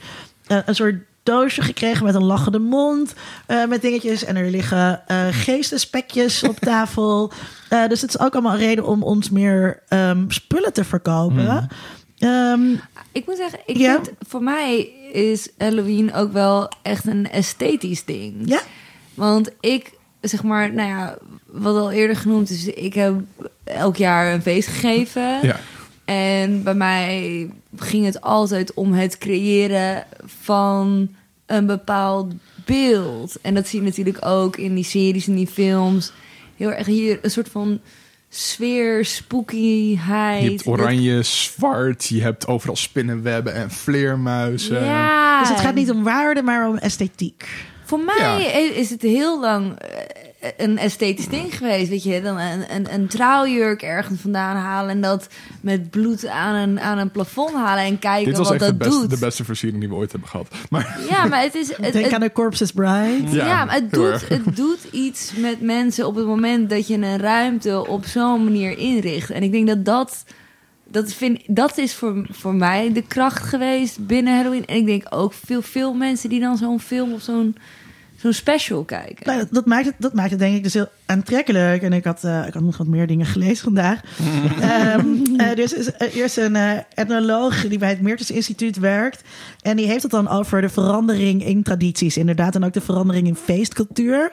Eh, en hij zegt, hij heet John Helsloot. Eh, en hij zegt, centraal staat nu, dus in de feest, feestcultuur en tradities van nu, centraal staat nu in, in tegenstelling tot die waarden, de, zelf, de zelfexpressie. Het uiten van vooral persoonlijke gevoelens, opvattingen en het opvoeren van de eigen identiteit. En dat is denk ik best wel wat ook samenvat wat jij zegt. Hè? Dus een esthetiek, maar ook hoeveel creativiteit kan jij eh, tonen in het kiezen van jouw ehm, Kostuum. kostuum. Ja. Ehm, hoeveel cultureel kapitaal zit daarin, maar ook hoeveel creativiteit, hoeveel sletterigheid. En dat is allemaal, het is dus inderdaad zelfexpressie. Het is heel geïndividualiseerd. Ehm, in plaats van dat het een feest van samenkomen is. Wat dus nog wel een klein beetje in die specials zit, waarbij het kind dan zegt: kunnen we niet gewoon Halloween vieren zoals vroeger? Maar ook in feesten is het toch ook wel heel erg dat je met, met z'n allen even iets leuks gaat doen of zo.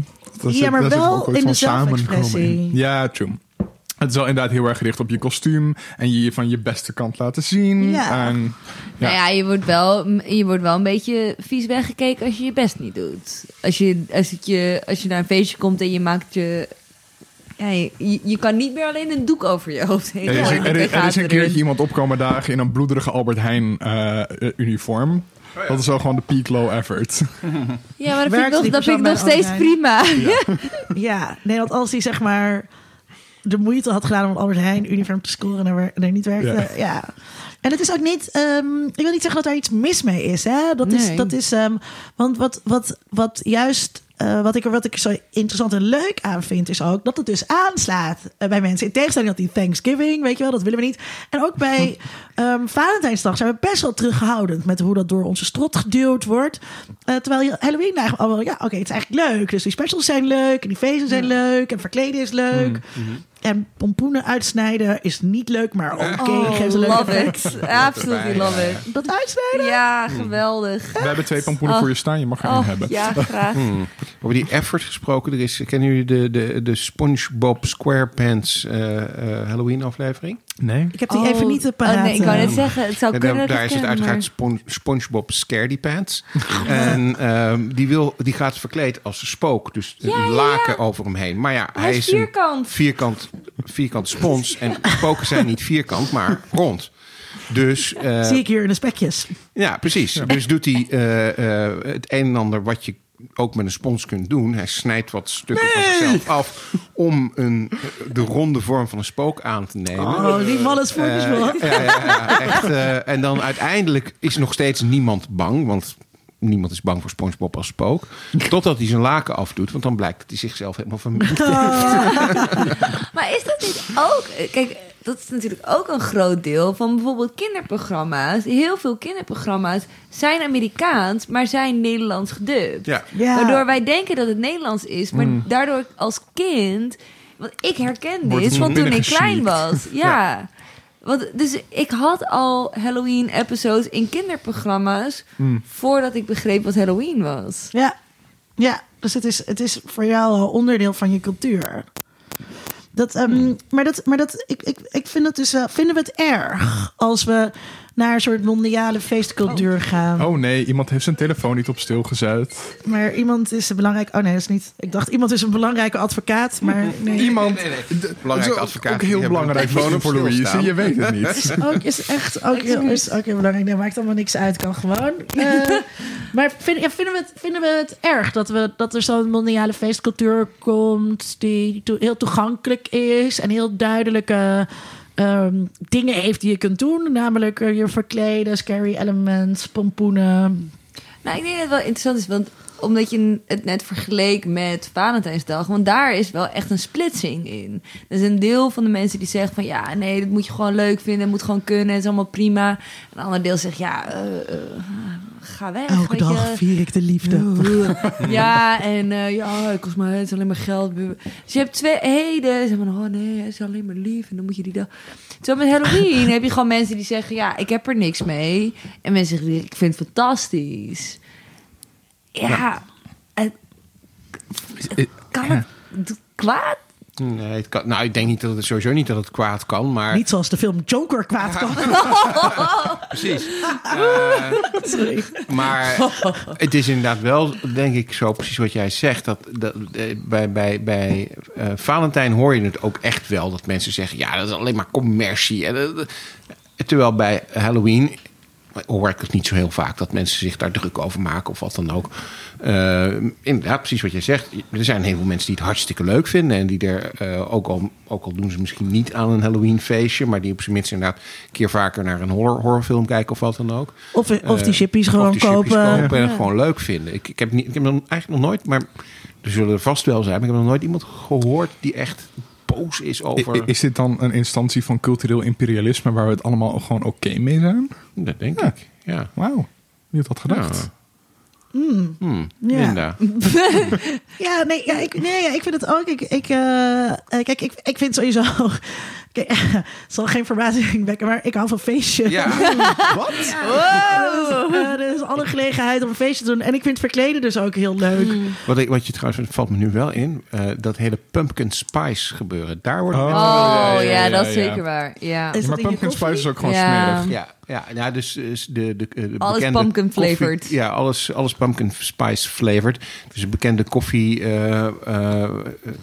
Starbucks. Starbucks, die inderdaad dan met Tim Halloween- Hortons doet het ook hoor. Ja, nou precies. Kijk, die dan, eh, dan met, met Halloween een pumpkin spice allemaal. flavored koffie en zo maken. Ja. Daar heb ik wel echt wel vaker mensen van gehoord die zeggen van nou, het is gewoon vies en nou, laat ze Maar mee dat heeft meer te- en, Heeft dat niet meer te maken met dat iets een trend wordt Ja. en dan hip is? En het, en dan... überhaupt gewoon rancune tegen Starbucks, eh, Starbucks en koffie met smaakjes waar mensen Ja. niet tegenkomen. Want Nederlanders drinken hun koffie zwart. Maar zelfs met dat hoor ik niet de link naar Halloween. Nee, dat het is echt Klopt. Het is alleen... meer een herfstig ding of zo. Hou op met de pumpkin spice. Want inderdaad, het komt al bij herfst. Het is niet dan van, oh, die stomme Halloween zorgt dat Nee. we... Nee, dat klopt. precies. Nee, dat klopt. Als, eh, als, Terwijl- Kiki, als Kiki Dingen een fictiepodcast was geweest, dan eh, was deze aflevering. Dus gingen we dus gingen we mede- medewerkers van de Starbucks vermoorden van de pumpkin spice. of zo. Zou de verhaallijn daar, daarover gaan. eh, maar dan op een Ik naar manier. Ja. Met tijdreizigers en, en iets anders. Even om, eh, om richting afsluiting te gaan, denk ik. Ehm, we, hadden- we, we verwezen er net al een beetje naar. Ehm, ongeluk. het lot van Halloween specials. We kijken bijna niet meer real-time. Ehm, nu, nu wat ik net zei, in Nederland kregen we dus die Roseanne Halloween special te zien in april. Of, of de Simpsons eh, aflevering ergens in januari. Ehm, dit, dit, dit lijkt me dus vooral een discussie over Amerika. Niet zozeer voor ons. Wij vinden het niet erg, volgens mij. Om Nee. in april. Maar in Amerika denk ik wel. Dat, dat gaan, gaan Halloween specials in series verdwijnen. Nu we niet meer real-time kijken. En series in één keer gedropt worden. Nou, ik denk, ik denk voor een deel wel. En ik denk namelijk dat je dat al ziet in, eh, in de, de series die, die je binget. Hè, die dus in één keer online komen. Daar zijn niet zo heel vaak echt nog specifieke Halloween of kerstaflevering. Sabrina erbij. had het dus wel. Ja, maar Stranger dat- Things. Ja. Stranger Things had het ook, maar Stranger Ja, maar dat, dat Things zijn kwam allebei series waarin het per past. Ja, en right? Stranger Things eh, eh, weet ik eigenlijk niet meer. Werd dat in één keer gedropt? Of Ja, maar dat Ja, werd rond. Halloween gedropt toen. Dus dat ja. paste daardoor ook wel. En ik denk ook dat het gewoon niet past in ehm, een tijdperk waarin we series het liefst gewoon met een doorlopende verhaallijn hebben. Mhm. Dus gewoon als je Dan is het inderdaad. juist een welkome break dat je... Ja, maar, dat- en maar, maar dus zo, zo wordt de tv niet meer gemaakt met een breaker in. Ik bedoel, ik denk niet dat een seriemaker die een verhaal wil vertellen in één seizoen en daar de tijd voor wil nemen, zit van laat ik even een afleveringetje pauze nemen. Was het bij Sabrina trouwens niet dat er een Halloween special was die los van het seizoen uitgezonden werd? Ja, volgens mij wel. Ja, ja. Hmm. Dat, maar dat is denk ik wat je steeds vaker gaat zien. En dat is bijvoorbeeld met, met, met dit, maar ook bijvoorbeeld met Rick and Morty, dat die van die Mhm. willekeurige momenten kiest om dan een, een aflevering uit te brengen. Dan In, eh, in- gok ik dat de kans groot is dat eh, series die eigenlijk eh superveel tijd moeten besteden aan één seizoen. En dat dus maar één keer per jaar of één keer per anderhalf jaar. Dan bijvoorbeeld Halloween kiezen als een uitzondering. Om dan toch een soort. Ja, iets de wereld in te sturen van. En dat hey, deed we zijn er Sense8 nog. deed dat natuurlijk ook met Ja. kerst toen op een Ja, gegeven moment. Dat ze toen een special van een anderhalf uur tussen Ja. seizoenen in hadden. Maar ik, ik denk, de BBC doet het heel vaak. De BBC Mhm. heeft het veel vaker gedaan. Ook met Dr. Who. eh, dat het eh, meer als een soort... En dan met kerst. Ja. eh, als een soort toegift. Want er komt een Ja. extra aflevering die buiten het geheel staat. Mhm. Met je favoriete personages en dingen. Juist vanwege die speciale kerstprogrammering. Wat, ik wat denk toch dat wel het idee was met de Halloween special. Dat het buiten de gebruikelijke gang van zaken staat. Ja, Ja, ik denk dat dat dan inderdaad meer de kans wordt. Dat maar dat vind ik echt een- superleuk. Ja. Dan, is het dus, dan, zit- heb je- dus, dan zijn er helemaal geen aflevering van Sabrina of van iets anders. En dan in één keer tijdens Halloween eh, zegt Netflix... ja. Er, is nu de net, er is nu een Halloween special. Hmm. Maar je krijgt dan wel op een gegeven moment dat eh series een keuze moet gaan maken tussen kerst en Halloween. Want het ligt te Waarom dicht. niet allebei? Omdat het vaak te dicht met elkaar ligt om hetzelfde budget tegen een aflevering aan te gooien. Maar kerst eh, vind ik dus... eh, Kerst gaat dus vaak over waarde. Eh, dus je kunt dan als serie ook denken... Oké, bij, bij serie Sabrina past een kerst eh, special veel minder dan een Halloween special. ja, maar juist is het leuk. en bij als het- ook. Ja, maar daarom. Het is juist leuk als het niet past. Ja. Want dat is wat het wel interessant maakt, die Halloween specials. Is dat het af en toe niet past binnen wat een serie normaal gesproken is. En dat ze dan dus iets kunnen doen wat eigenlijk, wat ze normaal niet kunnen doen. En als ze dan moeten kiezen, dan ja, het, is, het zou toch jammer zijn als ze vaker kiezen voor de makkelijke weg. Het zou leuk zijn als ze wat anders doen. In a world. In a world. World. World. World. In a world. Waar hebben we de komende tijd zin in? Waar zie je naar uit? Nieuwe dingen eh, zou ik eigenlijk niet zo goed weten. Ik weet alleen dat eh, op Halloween, op 31 oktober, mijn traditie is om. ehm, ja, het is eigenlijk of Nightmare Before Christmas, maar tot nu toe ja, ja. is het elk jaar. ehm, Nightmare Before Christmas. nee, Jawel, die hebben echt tering vaak gekeken. nee, ik kijk nu altijd Rocky Horror Picture Show. Oh ja, ja, Elk ja. jaar. Dat zijn geweest. Leuk. Ja, in. Waar zit die? En ik pas geleden nog Ja, naartoe met Sonny, waren. dat was, eh, was dat leuk. 1 en 1. Ook hoop ooit een keer een, eh, een viewing te hebben met alle poespas Moet je, eromheen. moet je zeker doen. Dat was Maar echt tot eh, nu leuk. toe- Ah, Is was er niet mee? Ja, Volgende waar was keer. mijn uitnodiging? ik wou net zeggen. Oef. Nee, het is nu eh, elk jaar eigenlijk op Halloween bij mij thuis. eh, op 31 oktober, Rocky Horror Picture Show. In mini verkleed. Eh, en daar kijk ik altijd Ik heb elke uit. keer In geen mini kostuum. verkleed? Ja, dus je hoeft niet vol kostuum. Maar je mag een Oh. pruikje op of een snorretje opgetekend. Alles mag. Je moet een klein beetje je best gedaan hebben. Maar je Ja. mag wel vol kostuum. Zeker, altijd. Je moet, Bij mij ben je altijd welkom in vol kostuum. Ik, ik ben dit elke keer vergeten. En dan heeft Louise altijd een eh, roze pruik ergens achter in de kamer verstopt liggen. Die ik dan de hele avond op moet. Een roze pruik, een regen- regenboogpruik. Ik heb meerdere. Elk jaar mag je een nieuwe. Alles in het queer thema. Yes. Sydney, waar heb jij zin in? Eh, nou, ik kijk uit naar een aantal dingen, waaronder eh, Batwoman. Dat is de nieuwste serie in de Arrowverse. Dat is zeg maar de televisieversie van de DCU. De eh, helden van het DC-universum die we van de films en de strips kennen. Die hebben ook hun eigen televisieseries. Ik heb er de vorige keer al naar uitgekeken. Oh, heb je? Oh, sorry, sorry. sorry. Ehm, Lij- Dan lijkt het net, lieve luisteraar, alsof ik eerst was, maar dat was niet zo. Want ik had gewoon waarschijnlijk iets van Sydney gestolen. Ja. nou, dat is niet erg. En Maar toen weer kijk, teruggelegd. Toen zei we niet dat het weg was. Nee, nee, klopt. Maar dat is niet erg. Want ik, keek, ik kijk er naar uit omdat ik laatst namelijk naar een... eh, er is een eh, eh, eh, crossover aflevering gemaakt tussen Arrow, The Flash en Supergirl. Girl. Dat zijn drie series die je nu ook op Netflix kunt kijken. Het is best lastig om te kijken omdat die series op de een of andere manier af en toe in elkaar grijpen. Dus je moet ze precies in de goede volgorde kijken. Daar hadden we toch ook over? Ja, ja, Heb je het ook Ja, al gehad? Ja, nou in ieder geval. eh, herhaling die, van de die, vorige. die, cross, die crossover. eh, Volgens mij zei GJ namelijk de vorige keer van dat het, Ja. dat het, dat, dat, dat het daardoor dus een soort weektaak Ja, wordt om wordt. alles precies in real time Precies. te kijken. En En die, die crossover waar ik nu naar gekeken heb, dat is dan een, die kun je redelijk los van de rest eh, bekijken. En daar komt Batwoman ook in voor. Dat is de eerste keer dat ze erin zit. En nu heeft ze dus haar eigen serie sinds eh, deze week. Eh, dus ik ben wel benieuwd hoe dat eh, eruit ziet. Eh, en ehm, ik had ook al gekeken naar Titans. Staat ook op, op Netflix. Ook van eh, DCU. Het speelt zich wel niet in die Arrowverse af.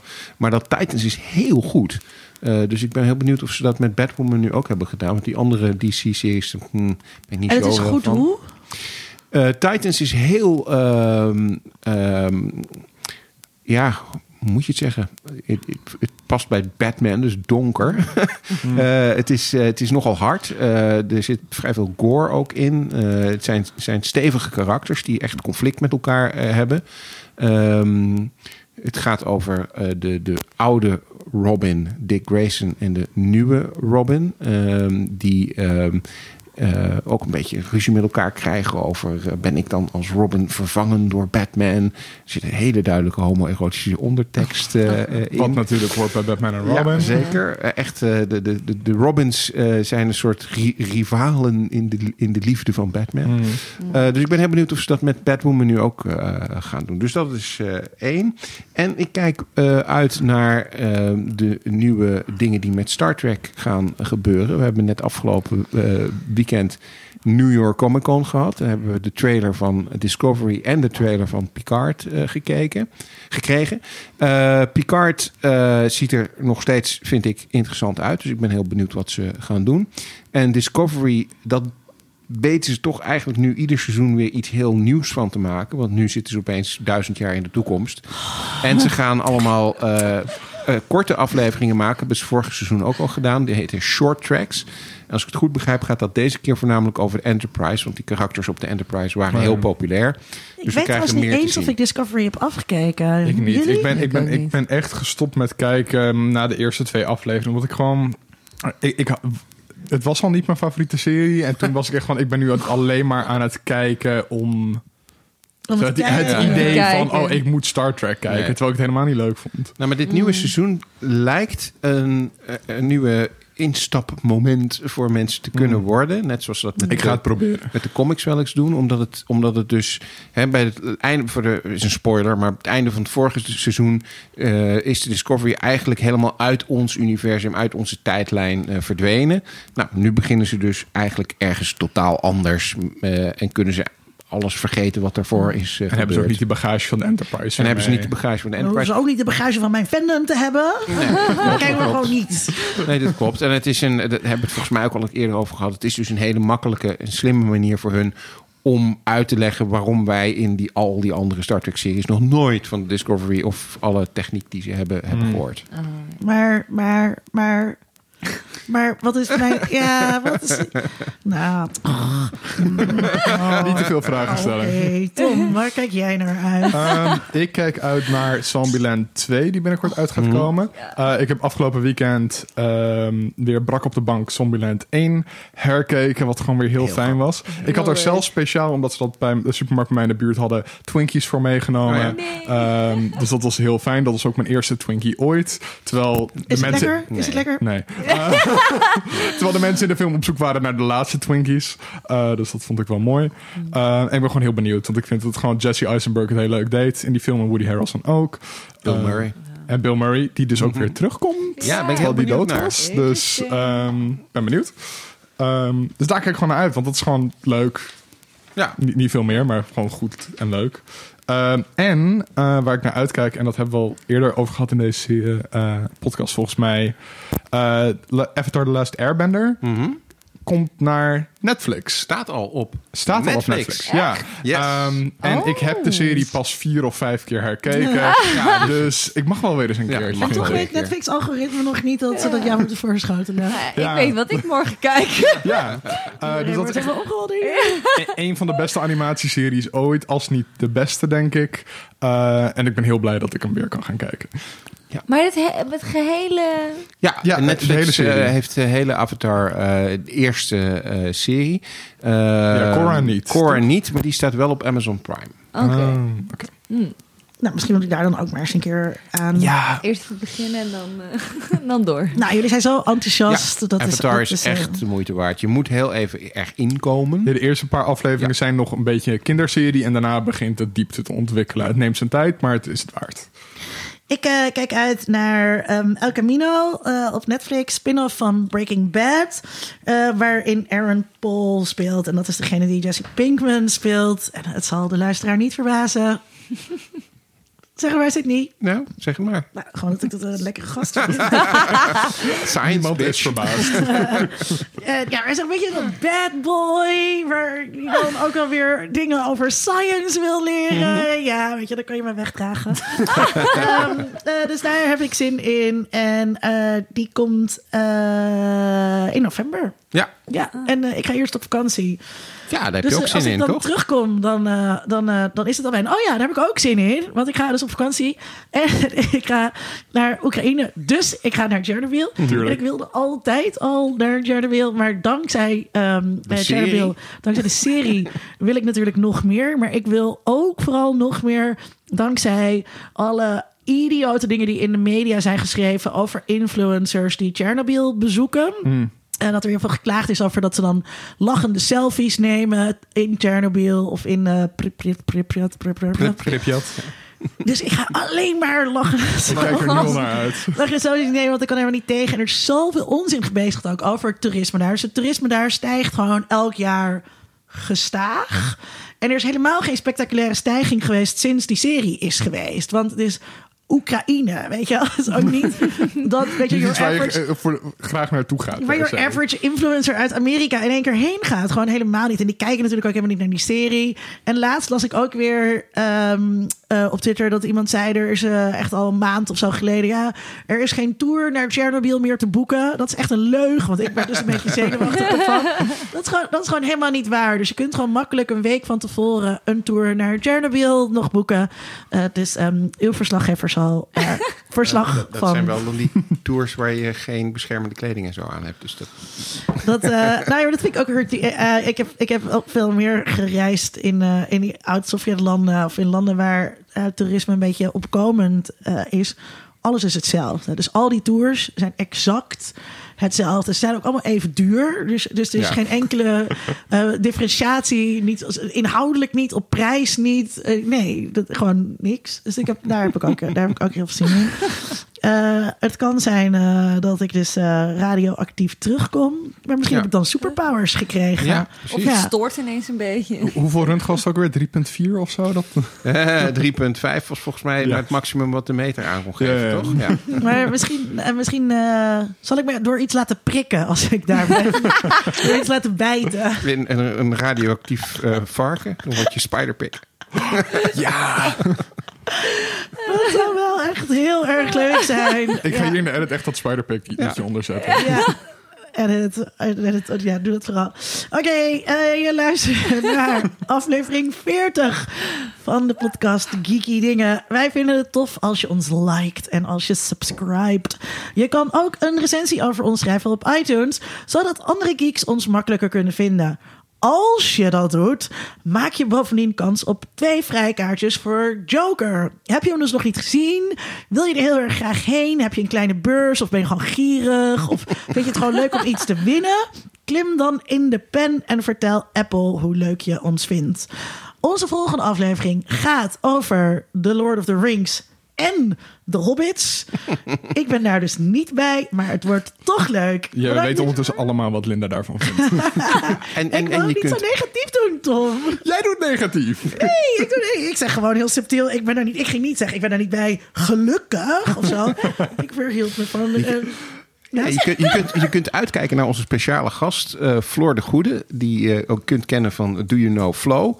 Eh, hij, heeft, eh, hij maakt strips en omdat het deze maand Inktober is, eh, kun je hem ook op eh, zijn accounts volgen. En heeft hij iedere dag een nieuw eh, tekeningetje, stripje eh, vanwege Inktober. Hij heeft onder andere een trekpop van zichzelf gemaakt eh, waar je aan kunt trekken. is die... eh, Wacht, wat? oh, dat klinkt heel seksueel. Hey, maar is die Flo niet de aardsvijand van... Ja, van- Uber? ja, ja.